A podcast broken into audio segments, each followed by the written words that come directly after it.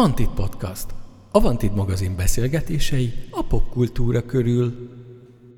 Sziasztok, ez itt a Wanted Podcast legfrissebb adása, melynek tárgya a Besugó című sorozat, amiről az elmúlt hetekben elég sok szó esett mindenfelé. Vendégünk Weyer Balázs, aki a sorozat music supervisorja, ami ugye pontosan azt jelenti, hogy a, a sorozatban elhangzó zenék összeállításáról, vagy azoknak a zenéknek a sorrendjéről, vagy válogatásáról te gondoskodtál. Köszöntöm a szerkesztő urakat és a hallgatókat. Kedvenc számom a mi az a Music Supervisor, Igen. és most elénekelem. És most újra feltettük ezt a lemezt. Szóval a Music Supervisor az a, hát elsősorban az angol száz filmkészítésben az itt teljesen bevett, hogy mondjam, a, kb. a, díszletervezőhöz hasonlóan bevett funkció. Az a dolga, hogy ami a filmben zene, azt, azt valahogy ő mind összefogja. És olyan értelemben szívesen hasonlítom a díszlet, meg a jelmeztervezőhöz egyébként, hogy az a dolga, hogy kreáljon egy olyan világot a filmnek, amelyik a történethez hiteles. Hangtájképész. Hangtájképész, így van, vagy hangdíszlettervező, vagy mit tudom én, vagy Sonic Universe-nek hívják ezt esetleg angolul, tehát hogy a, egy ilyen hangzó univerzumot teremtsen a filmhez. Az európai, és hát azon belül pedig a magyar filmiparban kevésbé bevett, vagy nem, nem minden filmnek van music supervisor, bár egyébként szerintem kéne. Nest ez magában foglal mindent, tehát általában egy ilyen általános hangélményt, vagy egy ilyen, minek nevezzük, tehát azt, hogy mennyire, mennyire felel meg a, a, a soundtrack a kornak, a dramaturgiai igényeknek, stb. is tervez, aztán ugye konkrétan összehangolja mondjuk a, a score, tehát a szerzett zene, a licenszelt zenék, esetleg a filmhez direktírt zenék, és akár adott esetben mondjuk a, az általános hang, tehát mondjuk a, a hangélmény, tehát mondjuk egy erdőnek a hangja, vagy egy autós üldözésnek a hangja. Mm. Tehát, hogy nem csak hát ez, dalokról ez nem messze nem minden... rendelkezel adott esetben, vagy azt találod ki, hogy mi legyen, hanem ilyen atmoszférikus Persze, bele, bele szólni ilyenekbe. Én, én ugye a besugó is HBO sorozat, és korábban már több HBO sorozatban dolgoztam, és az egyik ilyen, hogy mondjam, formatív élményem az volt, amikor a, egy kimondottan a hanggal foglalkozó szakmai visszajelzés a központból, az volt, hogy amikor azt a gyógyszeres dobozt leteszik, nem, nem hallom, hogy tele van. Olyan, mint hogyha nem, nem lenne tele, pedig tele kéne lennie. Ah. És hogy akkor jössük, hogy Jézus, hogy van, aki erre odafigyel. És hogy, és hogy igaza volt teljesen, tehát hogy és nyilván akkor én is elkezdtem kicsit más füllel hallgatni ezeket, mert hát tök autodidakta, amatőr, kvázi véletlen módon kerültem bele ebbe a dologba, aztán tudtam, hogy ez érdekel, tehát tudtam, hogy tökre szeretnék így filmzenével is foglalkozni majd valamikor, de nem volt semmilyen előtanulmányom, előképzettségem ehhez, hát most leszámítva azt, hogy mit tudom én, tanultam médiát, tanultam zenét. Pont ezt akartam kérdezni, tehát hogy hogyan történnek meg így a véletlenek, hogyan lesz, a, hogyan lesz az újságíróból, a zenészből, a Vanti zenekar szakszofonosából. Mm, ráadásul, igen. hogyan kerül bele egy ilyen szerepkörbe? Hát ez tényleg véletlen volt, tehát éppen egy, egy filmnél bajban voltak a zenével, és valaki ismert, és tudta, hogy én sokféle zenével el vagyok, meg hogy érdekelnek ilyen dolgok. Nyilván egyébként azt hiszem az újságírásnak ebben nem volt szerepe, de a, abban az értelemben talán igen, hogy, hogy feltételez valamilyen dramaturgiai érzéket, vagy tanul ilyesmit az ember. Én még tanultam színház elméletet is annak idején, mikor még volt ilyen szak, meg például, amit akkor sose gondoltam volna, hogy ennek lesz ilyen értelme jelentősége, de tanítottam például annak idején e, sorozat és szappanopera speckolt a médiatanszéken. Jaj, de szép e, De az, a kettő között eltelt 15 év, tehát sose gondoltam, hogy ennek lesz jelentősége, csak az engem akkor érdekelt. Még egy-két kérdés, aztán esküszöm az életemről, hogy áttérünk a filmre, vagy a sorozatra, bocsánat. Kettő kérdés. Az egyik, hogy van-e kedvenc, vagy vannak kedvenc soundtrackjai, tehát olyan film, zene lista, vagy egy olyan filmnek a zene listája, amire azt mondod, hogy na ez, ez, ez pont olyan, mint hogyha mintha én csináltam volna, vagy az én ízlésemnek megfelelő. A másik pedig, és akkor ezzel át is úszhatunk szépen a besugóra, hogy te hogyan válogatsz filmzenét. Tehát akkor kezdjük az első kérdéssel. Az első kérdésnél azt javítanám, hogy ízlést kérdeztél, van olyan, amelyik a leginkább megfelel az én ízlésemnek, és hogy az filmzenénél nekem teljesen másodlagos. Akkor lehet, ke- Mert, lehet egy A és B válaszod is. Mert, mert nem a zenei ízlésemnek kell, hogy megfeleljen. Az hogy, az, hogy egyébként olyan számok vannak benne, amiket én szeretek, vagy onnan ismerem, vagy ilyesmi, az, annak semmi köze ahhoz, hogy jól működik-e a Akkor filmben. legyen egy olyan, amit te nagyon szeretsz, és, és leszarod, hogy egyébként milyen objektív szakmai feltételeknek uh-huh. felel meg, és legyen egy olyan, amire azt mondod, hogy szakmailag azt mondod, hogy na ez igen. Mondjuk, amit én nagyon szerettem annak idején filmzenét, de elsősorban a benne szereplő film zenék miatt, és maga a film nem volt olyan jó mm. egyébként. Például az a The Mambo Kings, egy elég B-kategóriás film, bár Antonio Banderas a főszereplője, de szerintem ő se arra a legbuszkébb. Az egy ilyen klasszikus New Yorki szalsza hőskor, tehát a korai kubai emigráció, korai kubai diaszpora kialakulása New Yorkban, és azok annak a zenei világában játszódik, azt, azt mint egyszerűen, mint filmzene lemezt nagyon szerettem. Aztán kicsit ilyen volt a Wenderses filmek, ugye a világ végéig, vagy a egyébként. Madre Deus filmek, ugye ott is a film, hát jó, nem rossz a film a világ végéig, de hogy a zene sokkal nagyobb hatással volt rám. Hát egyébként a Madre Deus-os filmeket, meg akár a, a Buena Vista-t, a, a Wenders-től nem is ér, nem, nem érdemes szerintem így ilyen értelme filmként említeni, tehát azok kimondottan, az, ott nem filmzene van, hanem a zene mellé van film, inkább úgy, úgy mondanám. Hát, hogy ott Ja. más a filmnek, meg a zenének a viszonya. Ezek, Igen, ezek igen. kvázi dokumentum Igen, film. igen, igen. Ettől még egyébként fantasztikus, hogy egy, egy film meg tudta ezt csinálni. Gyakorlatilag egy, tehát az, hogy az, hogy az máig menjen be, nem meghatározza a Buena Vista, tehát hogy gyakorlatilag létrehozott egy, egy, egy olyan produkciót, amelyik sokkal nagyobb, mint ő maga, tehát valójában egy brandet hozott létre, amelyik azóta is működik, pedig hát már nem élnek a, az alkotók többnyire. Plusz ugye, hogyha még hozzátesszük, hogy az egyáltalán ugye nem ennek indult, hanem egy mali zenekart akartak filmezni ott. Kubában csak ők is nem érkeztek meg, mert elvállalták valami helyi oligarchának a születésnapi buliát, ami sokkal, sokkal jobban fizetett, és de már ki volt bérelve a stúdió, ott volt a stáb, és akkor gyorsan összeszedtek ugye öreg kubai zenészeket, hogy azért valami történjen, valamit csináljunk. And the rest is history. Igen. És ami így azt mondod, hogy na ez a szakmailag etalon soundtrack, Hát a Betty Blue soundtrackja az nekem nagyon, nagyon erős. Az újabbak közül a, nem mondd már, az Escobar sorozat. Narcos. Narcos. Azt bírtam nagyon. Tehát egyébként azért van sok, tehát mondjuk a The Affair-nek a soundtrackje is szintén most sorozatokról beszélve az eufóriáé. Nagyjából azt az utóbbi évekből. Hát meg a, ugye az nem sorozat, az egy film, Malcolm and Mary. Ezt nem tudom, hogy láttátok-e. azt Uh, jól emlékszem, Eli Lewinson a rendező, Rév Marci az operatőr, annak elképesztő soundtrackje van, és a, gondolkodom a magyar címén a, a Mats, legutóbbi Mats Mikkelsen filmnek, Winterberg a rendező, Druk az eredeti címe, Drink, Ja, a, uh, a, a, még, egy, kör, kört. még egy kör, igen. Aha. Az is Igen, egy nagyon jó hát film. az egy, és és ez egy elképesztő soundtrack, úgy a, úgy a betétdalok, mint a score. Igen, és hát az. És hát a, a és, és az, hogy, ö, hogy vannak jelenetek, és hát nyilván egyébként ezek a legjobbak, amikor a zene csinál meg egy jelenetet. Tehát, hogy amikor egyszerűen a, a zene köré épül az egész jelenetet, mint tehát a, ennek a filmnek az záró jelenete, Igen. szerintem zene annál heroikusabb szerepben, filmbe nagyon ritkán Igen. kerül. Hát még egyébként ugye mondtam a Narcos, tehát az, hogy a, a Narcosnak a főcímdala, Tuyo címmel, ugye egy Rodrigo Amarante szerzemény, akit, akit ismerek régebről, és tudom, hogy azon az egy számon ő egy olyan kilenc hónapig dolgozott, amíg úgy érezte, hogy eltalálta. Nyilván nem az egy számon, hanem addig keresgélte, hogy milyen szám lehetne ez, és aztán ugye azt a, az lett az inspiráció, hogy elképzelt, hogy mi lett az Escobarnak egy, egy, egy, egy ilyen nagyon beégett dal, és ő arra jutott, hogy az Escobarnak az anyjával való, már-már ilyen betegesen szoros viszonyából az következik, hogy valami olyan, ami az Escobar anyjának a kedvence lehetett volna az Escobar gyerekkorában. Uh-huh.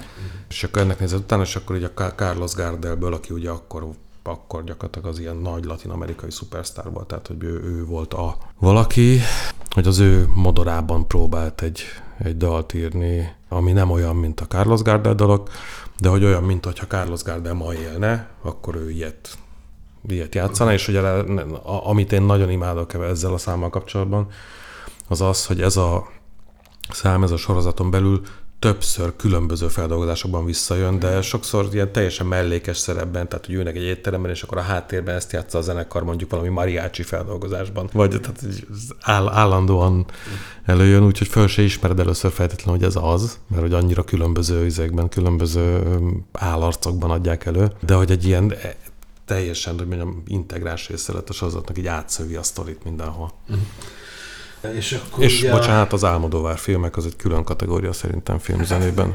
Igen. Igen. Jönne az a kérdés, hogy te hogy válogatsz? Hát ezt egyrészt nagyon filmje válogatja. hogy így, hogy így válaszoljak, de a szó mindkét értelmében. Tehát, hogy tényleg mindig, vagy sokszor hallom, hogy ez, ez mennyire jó, mert lehet, hogy gyakorlatilag a kedvenc számaimat kell elhelyezni különböző filmekben, és hát messze nem erről van szó. Tehát, hogy abszolút nem érzem úgy, amikor egy filmen dolgozom, hogy, hogy a saját kedvenceimet válogatnám.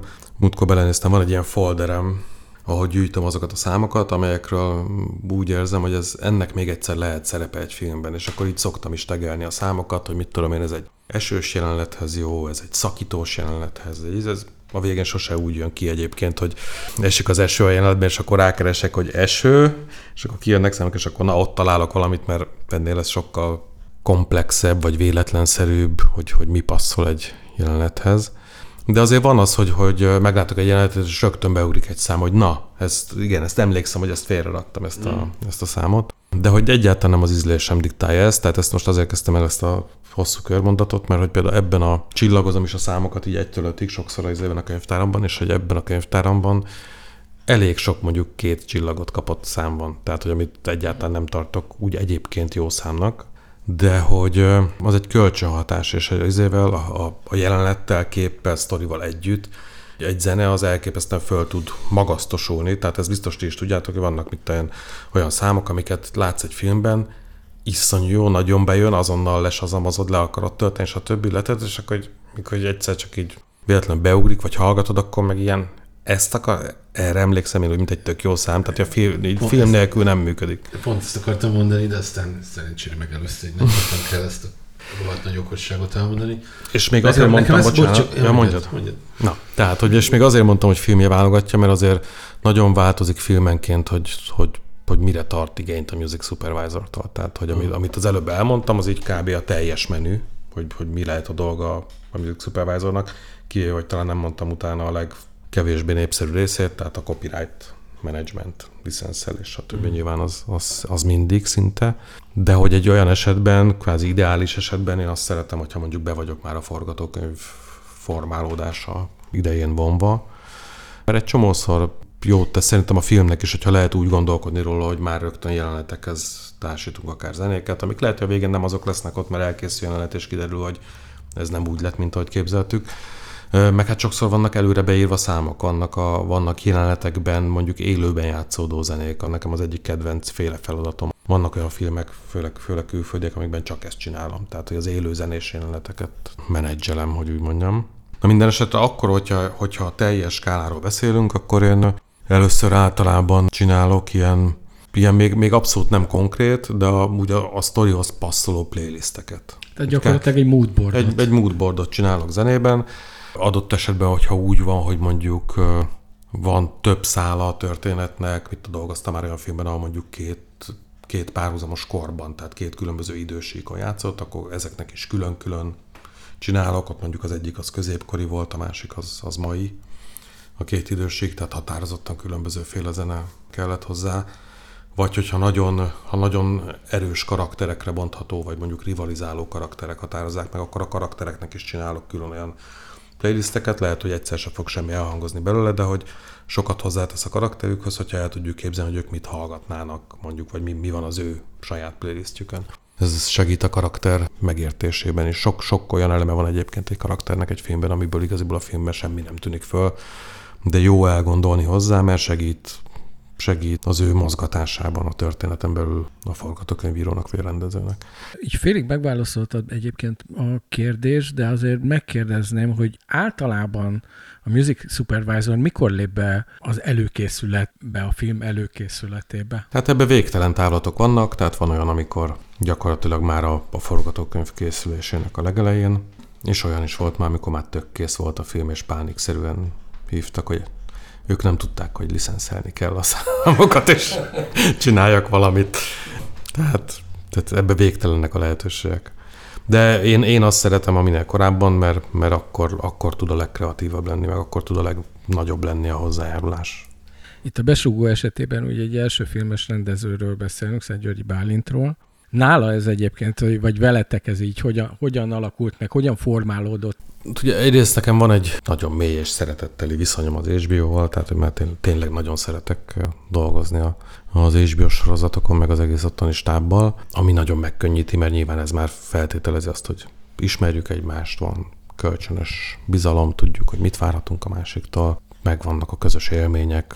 Másrészt a Bálintal nem ismertük egymást, tehát ha az ember egy új rendezővel kezd dolgozni, ráadásul úgy, hogy a, a rendező az, hogy mondjam, őt örökli, tehát, hogy nem ő benne van meg az az igény, hogy nekem mindenképpen kell egy music supervisor, és téged akarlak, hanem, hanem készen kap, akkor azért eltelik egy darabig. esetben ez történt? Hát azt nem mondom, hogy biztos nem erőltették a Bálintra rá. Ja, nem is erről gondoltam, gondolom, de, történt, de hogy... hogy a, hogy a csatorna javasolt, vagy... Igen, igen, igen, tehát hogy én így jöttem a, a produkcióval. Tehát mint hogy egyébként valószínűleg sokakat, másokat is javasol, vagy sokan úgy kerülnek be, hogy, hogy már vagy van, vagy van velük korábbi tapasztalat, vagy ilyesmi, de mindesetre tehát nem, nem a Bálint választása voltam feltételezem, vagy legalábbis nem tudok erről. Tehát, hogy ilyenkor eltart egy darabig, amíg sikerül azt elhitetni, megértetni, hogy, hogy, hogy van annak értelme, amit én csinálok. És ez nagyon változik rendezőnként egyébként, tehát, hogy mennyire zenetudatos, vagy ő, vagy maga az, a rendező mennyire nerd zeneileg. Uh-huh. És a Bálint az. Tehát, hogy... Pont ezt olvastam róla, hogy neki így a fejében megvoltak a, így az elképzelések. Igen, igen, tehát hogy nagyon sok szám már eleve bele volt írva a forgatókönyvbe, de hát nekem nem ez volt azért az első ilyen tapasztalatom, tehát tudom, tudom, hogy az elején ez kicsit csikorog általában, és ez leginkább azon múlik, hogy túl kell lenni az egy első, második epizódon, és akkor onnantól így úgyis, úgyis fogunk tudni együtt dolgozni, általában ez szokott. Történni. Ez általában ehhez az kell, hogy, hogy legyen egy-két olyan pont, ahol, ahol kiderül, hogy én ezt nem véletlen csinálom. Mert egyébként rendezők, bár most pont ez a Bálintra nem feltétlen igaz, sőt nem igaz, ők azért hajlamosak úgy gondolkodni a filmzenéről, hogy a kedvenc számaikat szeretnék el, elhelyezni benne, és hogy az nem működik mindig. De a Bálint, Bálintra ez nem volt igaz, ő, ő, ő iszonyan belásta magát a korba, és azt szerint válogatott, ha jobban belegondolok, igaziból nem is tudom, hogy mik az ő kedvenc zenéi, mert ez nem derült ki a, a munka folyamatban, de nagyon jó füle van, és nagyon jól, jól reagál javaslatokra. Uh-huh. Ez esetben te már kész forgatókönyvet láttál, vagy alakuló forgatókönyvet láttál. Mennyi volt a játéktered a, a zenék kiválasztásában, vagy tologatásában? Mindig alakuló a forgatókönyv szinte, vagy nagyon sokáig alakuló, de itt, itt, itt azért még nagyon sokat alakult onnan. De részben azért is, mert hogy volt körülbelül egy év csúszás a Covid miatt, tehát hogy már volt egy állapot a forgatókönyvnek, ami kvázi kész volt, az közben eltelt egy év, és akkor közben meg így újra nyíltak benne dolgok, tehát hogy itt azért jó sok idő volt emészteni, meg kitalálni, hogy ez körülbelül hogy, hogy lenne jó. Volt játékterem benne, hát, illetve abban az értelemben volt viszonylag sok rögzített pont, hogy a Bálint beleírt elég sok zenét a forgatókönyvbe, sőt ugye a, egy időben még olyan verziós volt, hogy, hogy számcímek voltak az epizód címek, ami ugye rögtön predestinált, hogy akkor annak valahol szerepelnie kéne annak a... Besugók és provokátorok. annak a számnak nem emlékszem, de végül is nem lettek ilyen értelemben epizód címek, tehát nem lettek ah, elnevezett epizód címek, de részben azért is, mert nem tudtuk egyszerűen ezt a logikát követni, hogy mindegyik számnak találjunk helyet. Voltak, voltak mondjuk így a mint ahogy egyébként általában minden ilyennél voltak az általános zenei világáról, még nem konkrétan megbeszéléseink mm. a filmnek, és aztán végigmentünk a teljes forgatókönyvön jelenetek és zenék párosításáról beszélni, aminek egyébként meglepően sok pontja úgy is lett, mint ahogy az elején kitaláltuk. És itt, amikor azt mondom, hogy kitaláltuk, itt egy tág kreatív kört kell érteni, tehát ebben a Ugye itt a sorozatnak három rendezője van, tehát a Bálint a vezető rendező és a forgatókönyvíró és a, hát a creator, ahogy ezt hívják ugye ebben a műfajban, a sorozatokéban. Miklausics Bence és a Mátyási Áron. Áronnal már komoly tapasztalatunk van, volt egymással, tehát három évad aranyélet, tehát szolgáltunk végig, hogy úgy mondjam. Uh-huh. Tehát vele abszolút ismerjük egymásnak a, a munkamódszerét, meg a gondolkodását, és nagyon-nagyon szeretek is vele dolgozni. A Bencével nem volt korábban semmilyen közös munkánk, de, de ővel is nagyon jó volt. dolgozni, külön-külön mindannyiukkal is a saját epizódjaikról, tehát hogy ugye le vannak osztva az epizódok, tehát mindenkivel aztán a saját epizódjait is végigbeszéltük. Tehát egy, egyrészt ugye ez kell dramaturgiai oldalról, tehát hogy, hogy mihez mi passzolna a legjobban, hol mit akarunk mondani, mert ugye a zenének nem, tehát amikor azt, azt mondom, hogy mi, mihez passzol, akkor nem, nem azt értem feltétlenül, hogy hogyha visszatérjek az előző esős példához, hogy a jelenet esős, akkor feltétlenül esőről énekeljenek a számban, sőt, az a legtöbbször inkább azt jelenti, hogy akkor az no-no, tehát hogy az túl sok, le, leesik róla, vagy nagyon musicalessé válik, tehát hogyha ha, ha arról énekelnek, amit látunk, az ugye ez a musicalek jellemzője. Tehát sokszor a szöveg, hogyha túl szoros kapcsolatban van azzal, amit látunk, az, nem, az pont az ellenkező hatást váltja ki, tehát mm. komikus lesz. Tehát, hogy itt nem csak, nem csak ilyen értelemben van arról hogy, hogy, hogy mi passzol, vagy hogy mondjuk a vágás ritmusához mi passzol, vagy ilyesmi, hanem leginkább arról, hogy, hogy érzelmileg mi passzol a jelenethez, mert a zenének, amikor nem olyan jelenetről beszélünk, amikor a jelenetben szól a zene, tehát mondjuk itt a besúgóban is ugye vannak koncertjelenetek, van, amikor koleszos buli jelenetek, valamire táncolnak, valamire isznak, valami stb. Tehát ugye ezeknél nem ez a szempont, de amikor, amikor a, a jelenet fölött hangzó betétdal van, ez uh, ugye ez a diegenikus, illetve non-diegenikus ez a megközelítés. Tehát amikor, amikor olyan zenét, az egyik a, az olyan zene, amit, amit a szereplők is hallanak, ez a, talán így, a, így a legkönnyebb megérteni a különbséget. A másik pedig olyan, amit a szereplők nem hallanak, csak mi, tehát az csak a néző hallja, tehát hogy nem a jeleneten belül, hanem a jelenet fölött szól a zene. Igen. Igen, tehát a, a diegenikus az, amikor ülnek egy kocsiba, letekerik az ablakot, kikönyökölnek, és szól a hip-hop. Tehát, hogy ez, ez, mert ezt akkor a szereplők hallgatják. Már de, hogy, föl, de, hogy lehet, de hogy lehet az is, amikor mennek, mennek az autóval, kikönyökölnek az ablakon, süt a nap, de ők nem hallgatnak semmit, csak mi hallgatunk közben egy ilyen, mit tudom én, valami road movie-s mm. hangulatú zenét. Na, tehát, hogy a, hogy a zenének a, a, ebben a, a non-diegenikus formájában, tehát amikor csak mi halljuk, a legfontosabb szerepe az az, hogy vagy, vagy megerőlegezzen mondjuk valamilyen dramaturgiai lépést, előkészítsen valamilyen érzelmi fordulatot mondjuk, vagy az, hogy megerősítsen, vagy kitágítson egy olyan, olyan érzelmi fordulatot, ami egyébként dramaturgiai éppen történik, csak a zene az nagyon sokat hozzá tud tenni, tehát ki tud olyan érzelmeket fejezni, amiket nem a dialóg mondjuk nem, vagy csak nagyon lassan, vagy csikorogva tudna kifejezni, tehát ilyen értelemben ugyanúgy hozzátesz sok mindent, mint mondjuk a tegyük fel az operatőri munka, tehát az, hogy, hogy tud, tud, egy zene olyan szerepet játszani, mint amikor mondjuk ráközelít valakinek a tekintetére. Most egy ilyen nagyon egyszerű, vagy ilyen mm, nagyon fapat példát mondjak. Az, hogy a mocskos idők lesz a fő, fő, fő, fő, tehát a, a fő címdal, az az első pillanattól kezdve világos volt, vagy ez egy hosszú Hát az első pillanattól kezdve azért nem volt világos, mert a főcím az egy nagyon érzékeny kérdés, abban mindig kell több opciót benyújtani, azt mindig, mindig nagyon, nagyon sok szem megnézi. A, Milyen a... opciók voltak még, ha nem titok? De hát titok? Nem titok, viszont nem emlékszem.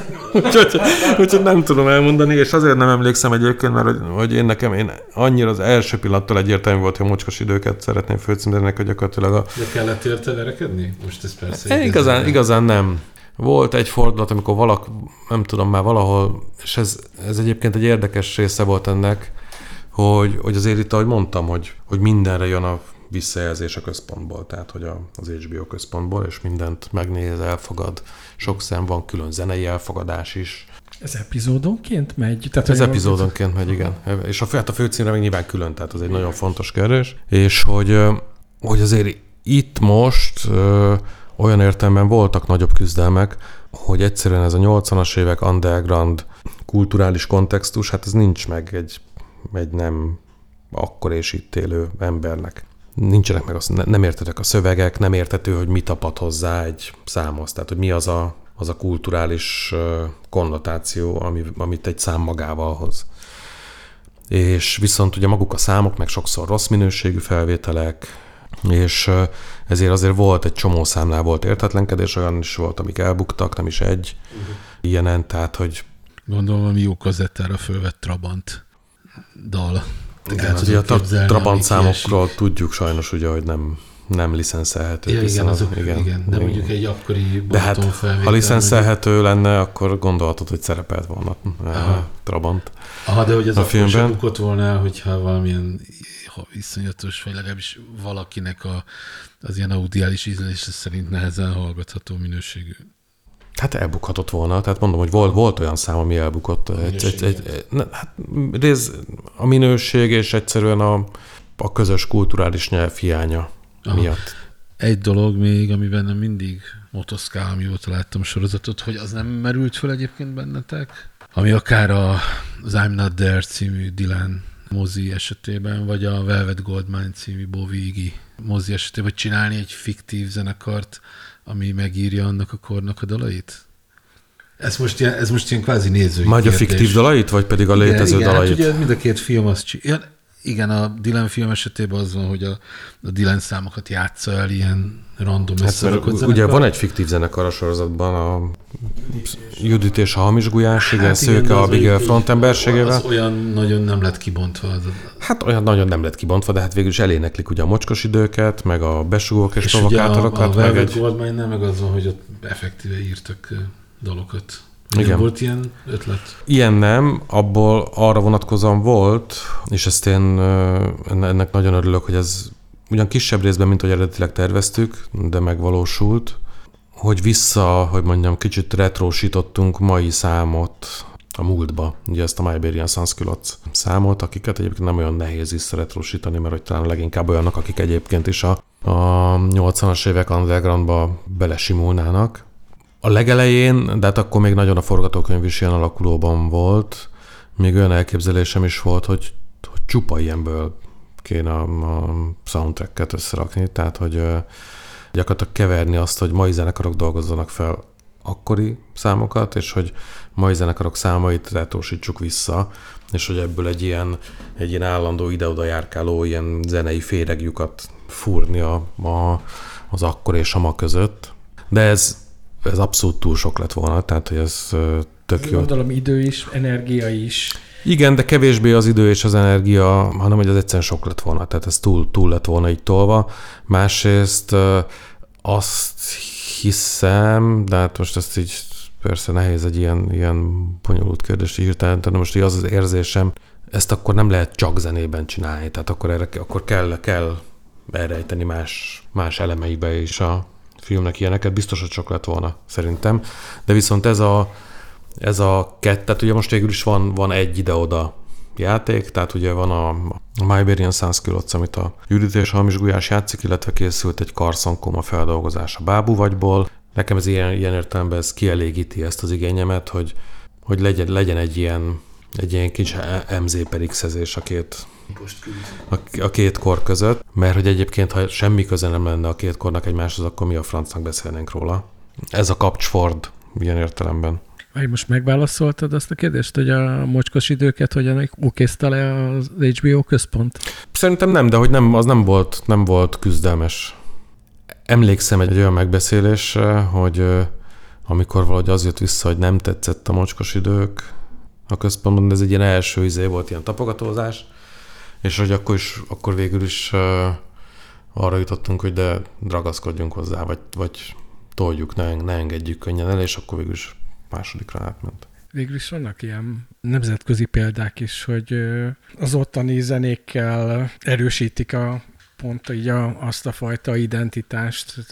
A konkurencián, a Netflixen ott, ott ugye most így orbaszájban mennek a lengyel sorozatok. Uh-huh főleg, és ráadásul csomó, ebből, csomó jó ebből az időszakból, mondjuk azok amerikai-lengyel koprodukcióban uh-huh. készülő sorozatok leginkább. Tehát egy, egy olyan jó Éva Bem számot fedeztem fel például az egyikben. Működhet, és működhet. Abszolút működhet, de nekem abból a szempontból én egyáltalán nem találom, volt, egy, volt két eset, ami eléggé fájt, ahol, ahol el, elbukott egy szám, de hogy egyébként nincs vele bajom abból a szempontból, hogy az alkotói folyamatnak is a része kell, hogy legyen az a gondolat, hogy ezt nem csak a magyar piacra csináljuk. Van, ott van még, mit azt hiszem, 64 országban terítették ezt a filmet, tehát hogy vannak 63 másik ország nézői, akik azt akarjuk, hogy értsék, akik szintén nem ismerik a kulturális kontextust, tehát hogyha ez nem működik a kontextus ismerete nélkül, akkor lehet, hogy nem ez a jó választás a, a filmben. Az mennyire egyébként mennyire jelent kihívást, akár a film elkészítése, a forgatókönyv, a rendezés, és aztán persze, ami téged illet, a zenei szövet összeállításának tekintetében az, hogy ez egy nemzetközi produkció. Hát ennyiben. Már bocs, a filmes része, de és majd még fogunk nyilván őt kérdezni a filmről, ami nem a te kompetenciád, de hát most tőled tudjuk megkérdezni. Fél. De hogy te ezt hogy látod? Ke, le, most nagyon egyszerűsítek, le kell bizonyos dolgokat butítani? Vagy bizonyos dolgokat... Lebutítani semmit nem Oké, kellett. ak- akkor mondjuk inkább úgy, hogy eh, bizonyos mélységekből, árnyalatokból, bonyolultságokból vissza kell venni bizonyos pontokon, mivel ez egy nemzetközi film. Itt, Értsük úgy, hogy akkor a lebutítást így értettem. Nem a mélység, nem a bonyolultság a szempont, és, és abban igazad van, hogy ebből egy csomó dolog az én kompetenciámon kívüli, de egyébként minden, amiről beszélek, az gyakorlatilag az, az nagyon fontos, hogy ezek, ezek mind csapatmunkák a filmben. Tehát egy csomó, olyan szám van a filmben, amit mit tudom, ültünk, és a, az Áron javasolt, vagy a Bence javasolt, vagy, vagy valaki tök más, tehát hogy valamelyik producer mondta, amikor már nagyon küzdöttünk valamivel, hogy nem nézzük azt meg? És akkor, de nézzük meg. És akkor, tehát, hogy nem, nem, egyáltalán nem minden az én ötletem, vagy nem, nem, nem minden tőlem jön. Az fontos persze, hogy, hogy át kell látnom az egészet, mert mit tudom, ennek van egy csomó olyan vonzata is, hogy, hogy kell, hogy a vágásnál működjön kell, ott az is benne kell legyen a fejünkben, hogy ez, ez jogosítható-e, könnyen jogosítható-e, főleg, hogyha ha rövid az idő, van egy büdzséje az egész zenének, bele fogunk abba férni. Mm. Nem fértünk bele egyébként. No, de, De hogy, hogy ö- akkor, de hogy akkor nézzük meg azt, hogy, hogy egyébként mi, mi, miben a kreatív munkát mennyiben és hogyan befolyásolja az, hogy ez egy nem csak magyar piacra készült Hát film. elsősorban ennyiben, amit most mondtam. Tehát, hogy, hogy hogyha mi nehezen tudunk elvonatkoztatni a kulturális kontextustól, tök jó egyébként ebből a szempontból, hogy a, hogy a Bálint nálam jóval fiatalabb, tehát ugye 20 évvel konkrétan, tehát, hogy ő, ő nem élt abban a korban, tehát, hogy neki mást, mást hoznak magukkal ezek a számok kulturálisan, de azért még az ő esete is tök más. De hogy valakinek, aki totálisan a kultúrán kívül van, nem beszéli a nyelvet, nem, hogy nem élt akkor, hanem fogalma nincs semmiről, annak is kell, hogy működjön a film. Ugyanúgy, ahogy mi megnézzünk egy lengyel, egy baszk, vagy egy, egy kolumbiai filmet, és hogy a történetnek, ahogy a történet működik, tehát, hogy dicsértem a Narcosnak a soundtrackjét, az égvilágon semmi közöm nincs kulturálisan a kolumbiai drogbárok világához, mégis működik a történet, és működnek a zenék. Most, most oké, okay, számítsuk le, hogy egyébként én- engem érdekel Kolumbia zeneileg, de hogy mm-hmm. másoknak is működik. Hát az látszik a izékből, hogy ez a, a Rodrigo Amarante szám, ez, ez egy marha sláger lett, tehát nyilván nem csak nekem jött be. Tehát, hogy ez egy fontos szempont, hogy igen, az egy ilyen értelemben az, hogy, hogy van egy, egy külföldön zajló ilyen, ilyen véleményezési, jóváhagyási folyamat, az ebből a szempontból tök hasznos. Tehát, hogy kell, hogy legyen egy, egy kultúrán kívülről érkező feedback, mert a nézők egy része is a kultúrán kívülről érkezik, még akkor is, hogy ez elsősorban Studio Morris nyilván nekünk szól. Most még annyit hozzáteszek, hogy viszont ugye ennél a filmnél ez nem lehetett szempont, mert ugye nagyon diktálta a kor, a közeg, a stb., hogy, hogy, hogy milyen zenék szerepelhetnek, de mondjuk a, az aranyéletnél, ahol, ahol akkor még jóval kisebb mértékben azért tudtam, hogy ezt, ezt uh, legalábbis a régióban ezt fogják még vetíteni. Ott, ott azért beletettem egy lengyel számot, egy csehet, ugye ott, ott, ott, ott sokkal maibb volt a soundtrack. Egy lengyelt, egy csehet és egy román számot is, mert azt gondoltam, hogy egyrészt, hogy jó számok, és hogy, hogy abba, abba nem volt ilyen megkötés, hogy feltétlenül, feltétlenül csak mm, mondjuk magyar nyelvű számok, vagy olyanok működhetnek, amelyek, amelyek innen származnak. Másrészt azt gondoltam, hogy azok, azok jó ilyen érzelmi, kulturális húkok a, az ottani nézőknek. Uh-huh. Fogalmam sincs egyébként, hogy ez tényleg így lett de Ja, hogy, nincs ilyen de hogy hát erről aztán, hogy most az a szám, arra a számra fölfigyelte egy lengyel néző, hát ez Így nem nyilván ilyen. Az a kérdés, hogy nem, hanem hogy egyébként hogy hogy működött a, hogy működött a, a sorozat Ez, más piacokon. erről nekem ilyen konkrét információm nincs, az elég sok lengyel barátom van, azt tudom, hogy a, a, a besúgót azt nagyon nézik. Hát Az az a- nekik Igen, az aranyéletről Átélhető. is igen tudok olyat lengyel ismerősem között, hogy mennyire miattam, vagy nem, hogy, hogy, hogy nézték és bírták. De a besugó az most amennyire én érzékelem, de erről adatom nincs, tehát csak azt, hogy ez nagyjából úgy zajlott, hogy mikor mit kijött az első epizód, posztoltam róla valamit a Facebookon magyarul, nem is gondoltam, hogy ez a külföldi haverjaimnak is érdekes lehet, de hát lefordítja a Facebook ugye nekik a, a, a posztot, és akkor és akkor beposztolta egy lengyel haverom, hogy üzlet, hogy néz és, és állat. És, és akkor te elkezdtek lengyelek is beszélgetni alatta, és, tudom, és akkor ugye azóta figyelem is, hogy ez, ez, ez úgy megy köztük, legalábbis ebben az én ilyen elsőben zenészekből álló szubkultúrámban ezt, ezt nézik lengyelek. Megint egy olyan kérdés, ami, amit nehéz neked föltenni, mert nem te vagy a rendező, viszont van között a sorozathoz, meg nyilván újságíróként, meg ilyen kultúra értelmezőként egyébként meg miért ne tehetnénk föl. Neked zajlik ez a nagy hitelességi vita így a sorozat körül, hogy erről mit gondolsz? Nagyon egyszerűen szóval szuper érdekes figyelni ezt a vitát. Aha. És marhára értem, hogy mondja mind a két felet, vagy nem, nem is tudom, minek hívjam, pont Bálintal beszélgettünk erről most. Mármint úgy, vegy, vegyük úgy, hogy a két fél az egyik, aki azt mondja, hogy hogy hihető, átélhető, rendben van az egész narratíva, vagy, vagy valóságábrázolás, és a másiknak vegyük ezt, aki azt mondja, hogy hát azért ez, azért itt ez több sebből vérzik. Vegyük így a két állítás? Hát be, vehetjük így, igen. Uh-huh. igen. Ugye nyilván a, a több sebből vérzik érvek között, ugye elsőben az szerepel, vagy azokatra emlékszem, hogy hát ez egy csomó dolog ugye túl van színezve, vagy el van túlozva, vagy akkor már nem így volt, vagy akkor nem volt már ilyen, nem tudom, durva az állambiztonság, vagy... Hát, vagy éppenséggel, vagy hogy még nem volt ennyire laza. Van, de hogy, tehát, hogy mondjuk olyanok, mint amik az utolsó epizódban előfordult, tehát, hogy ilyen, ilyen voltak ilyen, volt ilyen jelenet? Nem volt ilyen nem jelenet. Melyik a tömegverekedés? Igen, igen, igen. Hát ezt nem. én is megkérdezném egyébként. Illetve nem, én állítanám, hogy nem. Ilyenre nem, nem volt ilyen jelenet, egyébként voltak azért jelenetek, ugye, tehát ugye tud, mit volt gumibotozás volt, azért ismerjük hát, a fotó. volt. Ismerjük a, a, Lánchídi, csat, a Lánchídi csatáról a, az emlékeket, meg a meg a hátra bilincselt kezű Tamás Gazsiról a fotókat. Igen, de szerintem annál a jelenetnél nem is ez a problematikus, nekem sem az volt a problematikus, hanem hogy hát szóval, hogy olyan, hogy fiatalok tömegverekedésbe keverednek rendőrökkel 85-ben, az egészen biztosan nem volt. Majd utána egy év múlva ülnek egy kocsmában. Hülye lennék azt állítani, hogy volt ilyen, hiszen hát ott voltunk, és tudjuk, hogy nem volt ilyen. De ilyen típusú, mondjuk ilyen elrugaszkodás a valóságtól, ez mondjuk témája volt a film készítése során vitáknak, hogy, hogy fú, srácok, ez ilyen nem volt. Ez egy nem elhanyagolható dramaturgiai fordulat a filmben, tehát uh, nyilván kellett, hogy szó legyen róla, de, de tehát, hogy mondjam, ez egy film. És uh, általában, általában azt a példát szoktam hozni, hogy uh, Ugye nyilvánvalóan sokkal érzékenyebbek vagyunk rá, hiszen egy csomóan éltünk már akkor, amikor ez történt, de hogy valójában egy filmen, ami olyan korban játszódik, amikor nem éltünk, egyáltalán nem áll módunkban számon kérni ilyen dolgokat, tehát nem nem, senki nem mondja azt a, izére a, a sajnálom, azt hiszem ezt a példát használtam máshol, hogy a veszedelmes viszonyokban akkor már volt-e az a fajta hintó, amivel, amivel Valmont megérkezik a, a Madame Torville kastélyához, vagy pedig, hogy abban a stílusban vívtak-e, mint ahogy ott, vagy mit tudom én, tehát, hogy... De vívni vívtak. De vívni vívtak, igen. De hogy hát egy, egy csomó részletre fogalmunk nincs. Egyszerűen elhiszik, hogy úgy volt, mert ezt látjuk a filmben.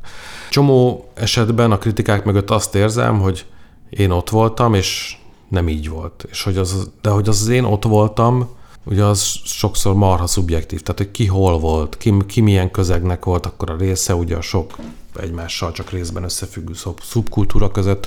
Nekem az is érdekes, hogy azért a, ugye ez alapvetően az erről való beszéd, ugye ez a, az akkori underground, elsősorban ugye fiatal művészvilág, bölcsészvilág, stb. Nagyon sokszor azt érzem, hogy ugye ez, egy, ez egy közgázos közegben játszódik, egy közgázkoleszben játszódik, és dumáltam ilyen akkori közgázos haverjaimmal is, ő nekik sokkal ismerősebb ez a világ, mondjuk, mint az akkori művészvilágnak. Tehát ez a, ez a sokkal kevésbé, hogy mondjam, szofisztikált, csencselős, lehetőségeket kereső, nagyon ambiciózus világ, ez, ez akkor sokkal inkább jellemezte a közgázas, mondjuk a jogász közeget, mint a bölcsész művész mondjuk nekem világot. Szóval, hogyha keresek olyan pontokat a sorozatban, amivel mondjuk van bajom, akkor mondjuk, mondjuk ez a nagyon hátul van, hogy mennyire hitelesen ábrázol egy közgázkolesz, mert azzal szerintem alapvetően nincs olyan nagy, nincs olyan nagy gond. Mondom, nekem inkább tehát én azt gondolom, és most egy picit kilépek a kérdezői szerepbe, hogy én azt gondolom, hogy, hogy egy film az valóban film, az fikció. De hogy közben én ott érzem néhol bicsaklani a, a, a sorozatot, hogy hogy a fikció az, a fikció az azt jelenti, hogy nem várjuk el a filmtől, hogy benne legyen a Lánchídi csata. Mondjuk egy 85-ben játszódó filmtől főként nem, hiszen az egy évvel később volt, de hogy ott már például bicsaklik nekem a sztori, ahol az egy évvel később bemutatott macskafogóra mennek el moziba. A, Ezt a, nem tudom, hogy az, az egy évvel később volt? a, ez 86-os. Pedig ez, ez egy állandó, ez egy, ez egy nagyon fontos Szóval, szóval, hogy- szempont volt. Mindennél megnéztük, hogy mikor jött ki, ki jöhetett már egy zenéknél. Ki jöhetett legkésőbb, tehát legkésőbb 85 májusig. Aha. Talán még volt, olyan még volt, hogy egy-két hónapot elcsaltunk, de hogy ennél De hogy, de hogy most nem, nem erre akartam speciálisan kiukadni, hanem arra, hogy szerintem a fikciót azt ugye a valóság sarokkövei tartják össze. És én, és én nem is a fi- fikciós felfogásnál érzem sérülni néhol a sorozatot, hanem inkább ezeknél a sarokpontoknál lehetett, verekedhetett, bicskázhatta a rendőrt, egy ilyen verekedés után ülhetett kocsmában, vagy a börtönbe kellett volna ülnie, és hasonlóak, ami, amelyek által meghatározott térben persze az történhet már, ami akar. Hát igen, szerintem a legfőbb kérdés, és ez, ez aztán abszolút kívül van a kompetenciámon, tehát hogy tényleg egy csomó dologra nem is tudom a választ, hogy, Ja, hogy, hogy, miért, hogy miért, kvázi- miért így gondolta a Bálint. nézőt kérdez. Öm, De hogy, tehát a fő kérdés az nem, az nem az, hogy volt-e így, így, hanem hogy lehetett volna-e így. Tehát, hogy ez egy lehetséges verziója-e a valóságnak. És szerintem ez egy tök más szemüveg, ilyen értelemben. Másrészt meg nekem ebben az egész vitában a, a legérdekesebb, és ez, ez tényleg ez egyszerűen azt mondom, hogy ez, ez marha érdekes, az az, hogy a Bálint az utókor ennek a, ennek a generációnak. És az utókornak egész konkrétan az első, az első megjelenése a 80-as évekkel kapcsolatban gyakorlatilag. És hogy ritkán találkozik a, egy kor a saját utókorával ennyire, ennyire direkten. És valószínűleg, hogyha ez gyakrabban történne, ez minden esetben fájdalmas lenne. És minden esetben nagyon sokan találnák irritálónak, mert az utókor az mindig egyszerűsít, túloz, máshonnan nézi, más lát benne, stb. Nagyon sokféle utókor lesz még, illetve nagyon sokféle szín fog még hozzá csapódni a, az utókornak a, a rendszerváltás vagy 80-as évek képéhez. Ez az első szín. Nem, nem fogja az első szín kirajzolni az egész képet, majd az a sok minden, ami hozzá tevődik, majd az igen, de ez egy, ez egy ilyen, ilyen, az utókor értelmében ez egy első ecsetvonás, és szerintem kurva érdekes figyelni, hogy hogy alakul az utókor, és kevés, vagy ritkán, vagy a fene tudja, hogy ritkán Azt hiszem, hogy ritkán adódik az meg, hogy gyakorlatilag élőben lásd, ahogy, ahogy az utókor fölrajzolja a te fiatalkorodnak, az egyébként a te tapasztalatodhoz képest valószínűleg torsz képét. Mindig torsz kép az utókor. Viszont, viszont, viszont, viszont abból lesz a, abból lesz a, a későbbi valóság, hogy úgy mondjam. Tehát, hogy így fogja majd látni később a mikorunkat a, a jövő, és az, az, hogy ezt már láthatjuk, ahogy ez elkezd kirajzolódni, ez szerintem elképesztő érdekes. Szabad káromkodni művészi okokból a, a podcastban? Igen. Múltkor volt egy beszélgetés a filmről, a, ben a Bárdos Dákág is ott volt, volt ugye levetítettünk mm, részleteket a filmből, például ugye, ahol a besugók és provokátorokat énekli a Judit és a Hamis Gulyás zenekar, aminek egyébként ugye, ugye ez fontos az, az Abigailnek, szintén ugye hát ez nem, nem, nem, nem a sajátjai ezek a számok, én értem, hogy ő nem ezekkel nőtt fel, tök mást mondanak neki, nagyon-nagyon jó és könnyű volt vele dolgozni, de hogy például ennél a számnál is az egyik feladat, amit itt ugye ezt a, a Mátyás Járonnal dolgoztunk ezen, ezen a felvételen vele, meg a zenekarral, a Krajcsócs Olivérekkel, hogy, hogy tudjon dühös lenni, tehát hogy legyen, legyen, legyen dű ebbe. Ugye a számnak a vége felé ugye elkezd bepörögni a nézőbe, és hogy ez, ez a, végül annyira jól sikerült, hogy, hogy a végén ugye ilyen teljesen indulatból így, így kurva anyátok! így, hogy ez, ez így a lezárás a, a filmnek, ahogy mikor azt mondja, hogy be, besugok és provokátorok, a kurva anyátok! és hogy és ez így benne is maradt a, a, abban a jelenetben. Bár maga a jelenet nem maradt benne a filmben, de csináltunk ebből egy ilyen külön videóklippet abból a, abból a jelenetben, mert egyébként tök jó lett szerintem az a feldolgozás. És Ági ezt látta, és csó, csóválta a fejét, ő egyébként nagyon szereti a sorozatot, tehát ő legalábbis akkor éppen az, akkor hiszem az ötödik, hatodik epizódnál tartotta sorozat, hogy, hogy, hogy egy olyan ötször megnézte már minden, az összes epizódot, és kb. tudta kívülről, tehát hogy nagyon, nagyon bírta, és egyébként meg, megint egy varga betű lesz, de hogy az is marha érdekes, hogy, hogy ő hogy látta ezt az egész kvázi utókor kérdés, hogy, hogy neki miről szólt a film, és neki, neki arról szólt a film, hogy az előző generáció átörökíti a bűneit a következő generációra, tehát a fiatalokra, tehát gyakorlatilag mind tovább viszik a bűneit a szüleiknek, és hogy... És Ilyen hogy, szempontból a megáll az időre hasonlít.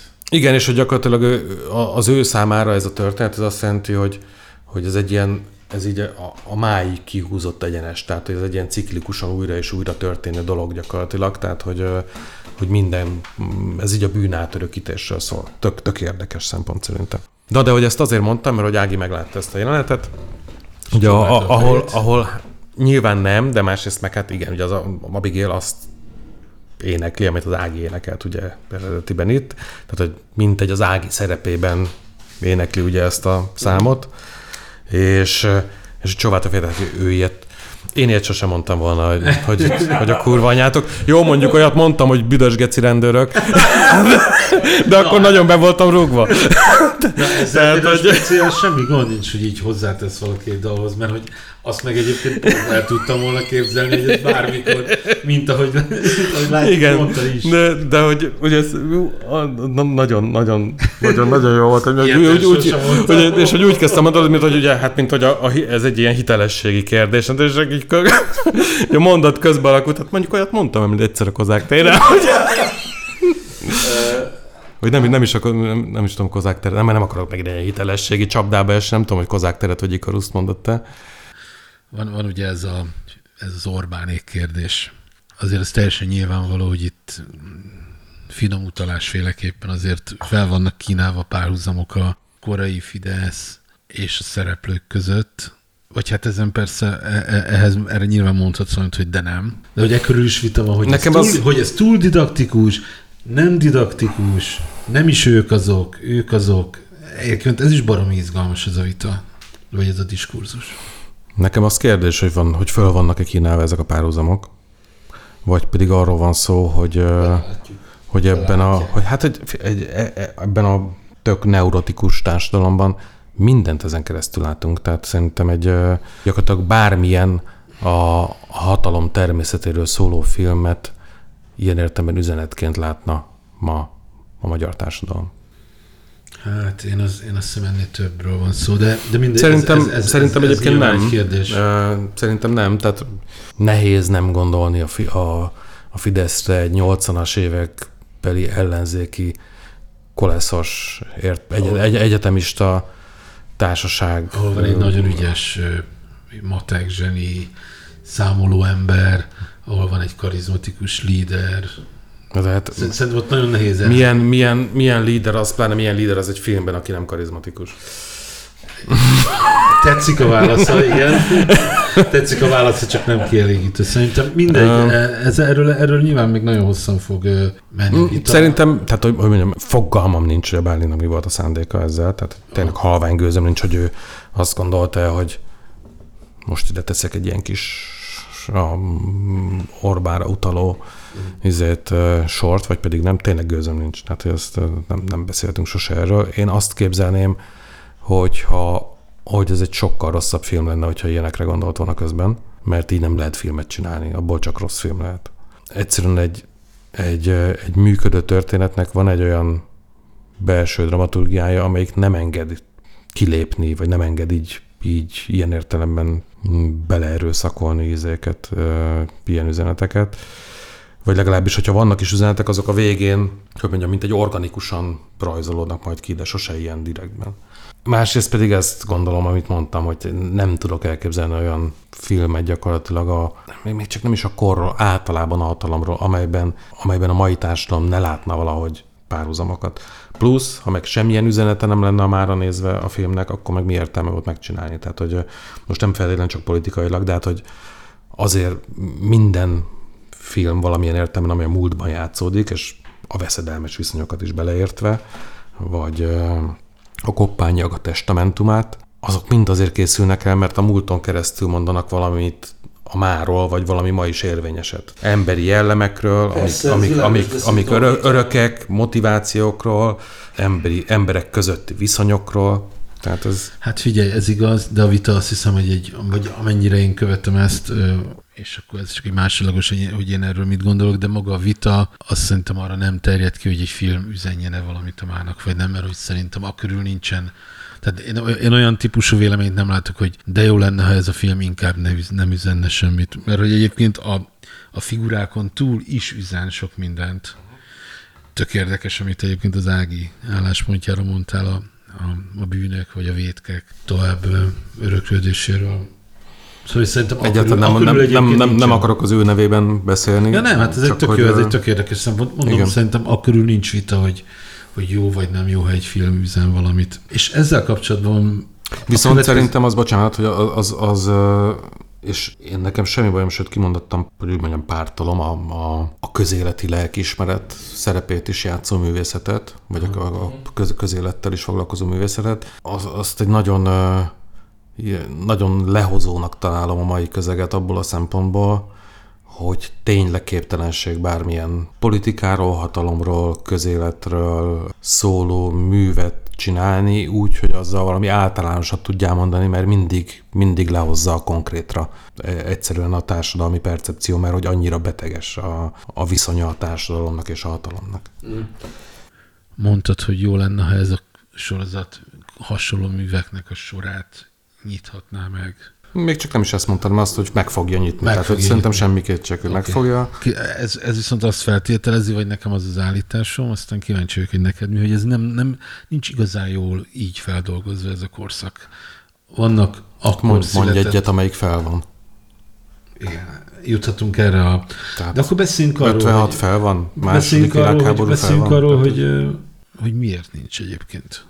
Vagy hogy ennek mi lehet az oka, vagy hogy mi lenne az üdvös, hogy a- ahogy te ezt állításként fogalmaztad meg, hogy ez nem is kérdés, hogy el fog indítani egy sorozat, vagy el fog indítani... Hát figyelj, az nem kérdés, hogy lesz, lesz utókor, és az utókor fog valamit gondolni, és fogja valahogy látni ezt a kort. Na, ezt, de ezt, azt mondod, erre hogy egyébként semmi nem, nem úgy értettem, hogy jövőre feltehetően ki fog jönni öt mozifilm a 80-as évekről, mert ezt nem hiszem. Aha, ezt én sem. Uh, De hogyha egyébként az, azt mondod, hogy a, neked az a bajod, hogy egyébként semmi nincs rendesen feldolgozva, uh-huh. akkor abból azért nem következik annyira evidensen, hogy, hogy majd úgy is föl lesz dolgozva ez a korszak, meg más is.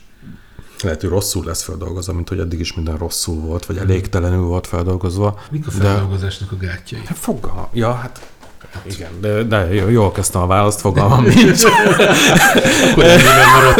De hogy hát szerintem úgy el lehet lamentálni rajta azért. Hát szerintem az egyik oka, Hát, az, valami az érdemes, egyik oka az, ez. az, amit az Ági mondott egyébként, hogy senki se ártatlan. Tehát, hogy, hogy mindenkinek van valamilyen vagy saját, vagy örökölt szorongása a múlttal kapcsolatban. És nem nyúlunk hozzá. És igen, ebbe, ebbe ez feltétlenül benne van, mert sose, plusz a, a másik fontosok, hogy legalábbis most ab, azon gondolkodom, hogy, hogy ahol, ahol mondjuk lehet azt gondolni így, így egy másik kultúrából nézve, hogy, hogy ott föl lett dolgozva más országokban, hogy nálunk ezeket a mondjuk így feldolgozásra váró korszakokat, traumákat, bár hát nem csak traumákat lehet feldolgozni, tehát szerintem mm, föl lehetne dolgozni a, nem tudom, a, nem csak 56-ot, hanem mondjuk ezt a 60-as, 70-es évek sivár alkuját is. Nálunk a korszakváltások, azok sose jártak katarzissal.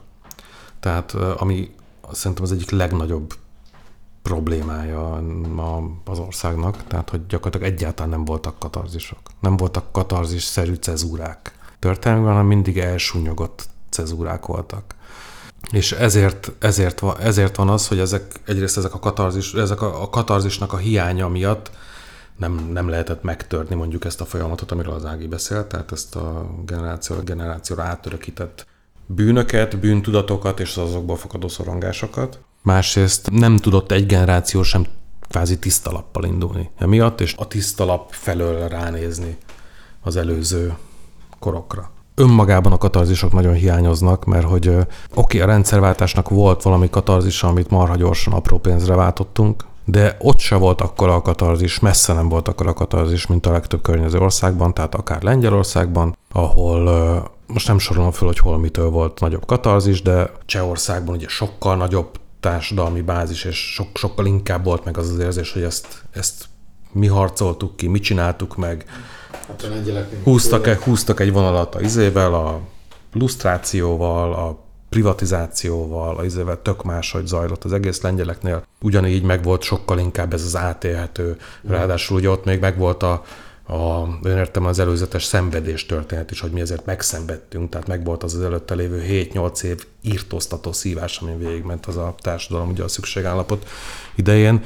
Egy csomó más országban, a balti országban a függetlenségnek az eufóriája adta ezt a ezt a katarzist, meg ugye a, a saját kultúrának a visszakapása, vissza, a, a nyelvhasználat, a, mm. stb.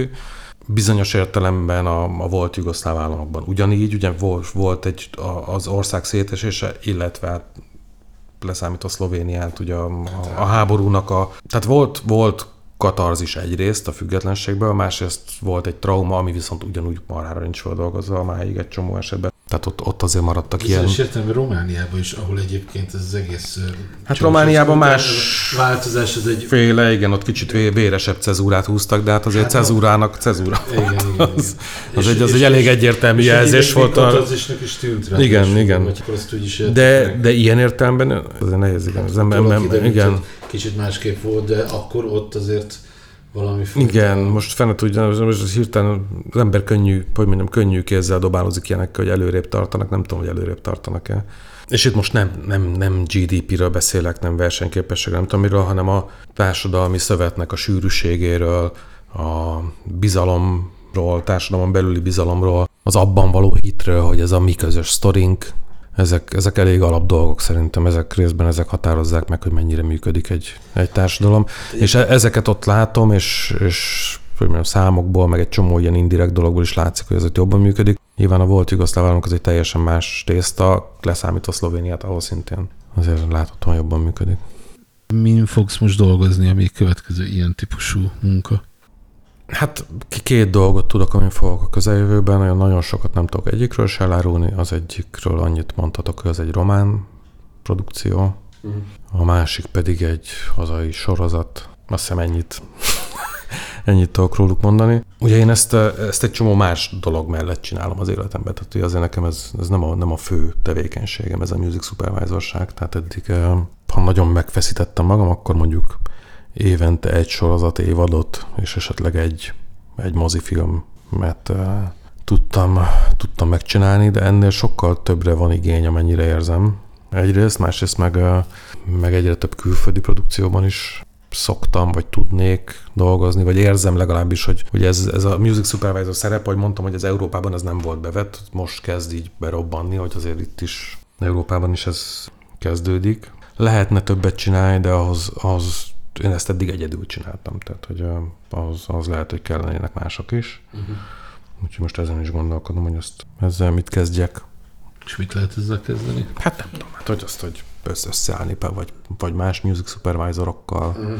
Esetleg más országokból, és kicsit ilyen nemzetközi tenni ezt a dolgot, vagy egyszerűen betanítani pár music supervisort uh-huh. még így mellém, és akkor több, több munkát. nem gondolkodtál egyébként? Tartok ilyenek, tar- tartok, most Lettországban tartottam egy ilyet, de, de már... Idehaza?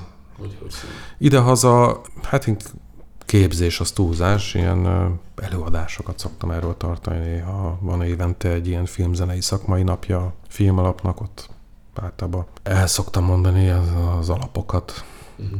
music supervisorságról, de vannak most izében, nem tudom, Szlovéniában is csináltam most ilyet, most Észtországban is fogok, Tunéziában, tehát hogy pillanatnyilag nagyon sok nem fér bele az életembe ebből, de hát de, de nagyon szeretem csinálni, és nagyon ezért úgy mindig, mindig piszkál, hogy jó lenne tudni valahogy többet, vagy, vagy máshogy, vagy másokkal is csinálni ilyet. Meg hát nekem van ugye a zenével egy, de ez, ez teljesen más. Most egy dokumentumfilmet saját magam csinálok dokumentum sorozatot, vagy inkább ilyen ismeretterjesztő sorozatot.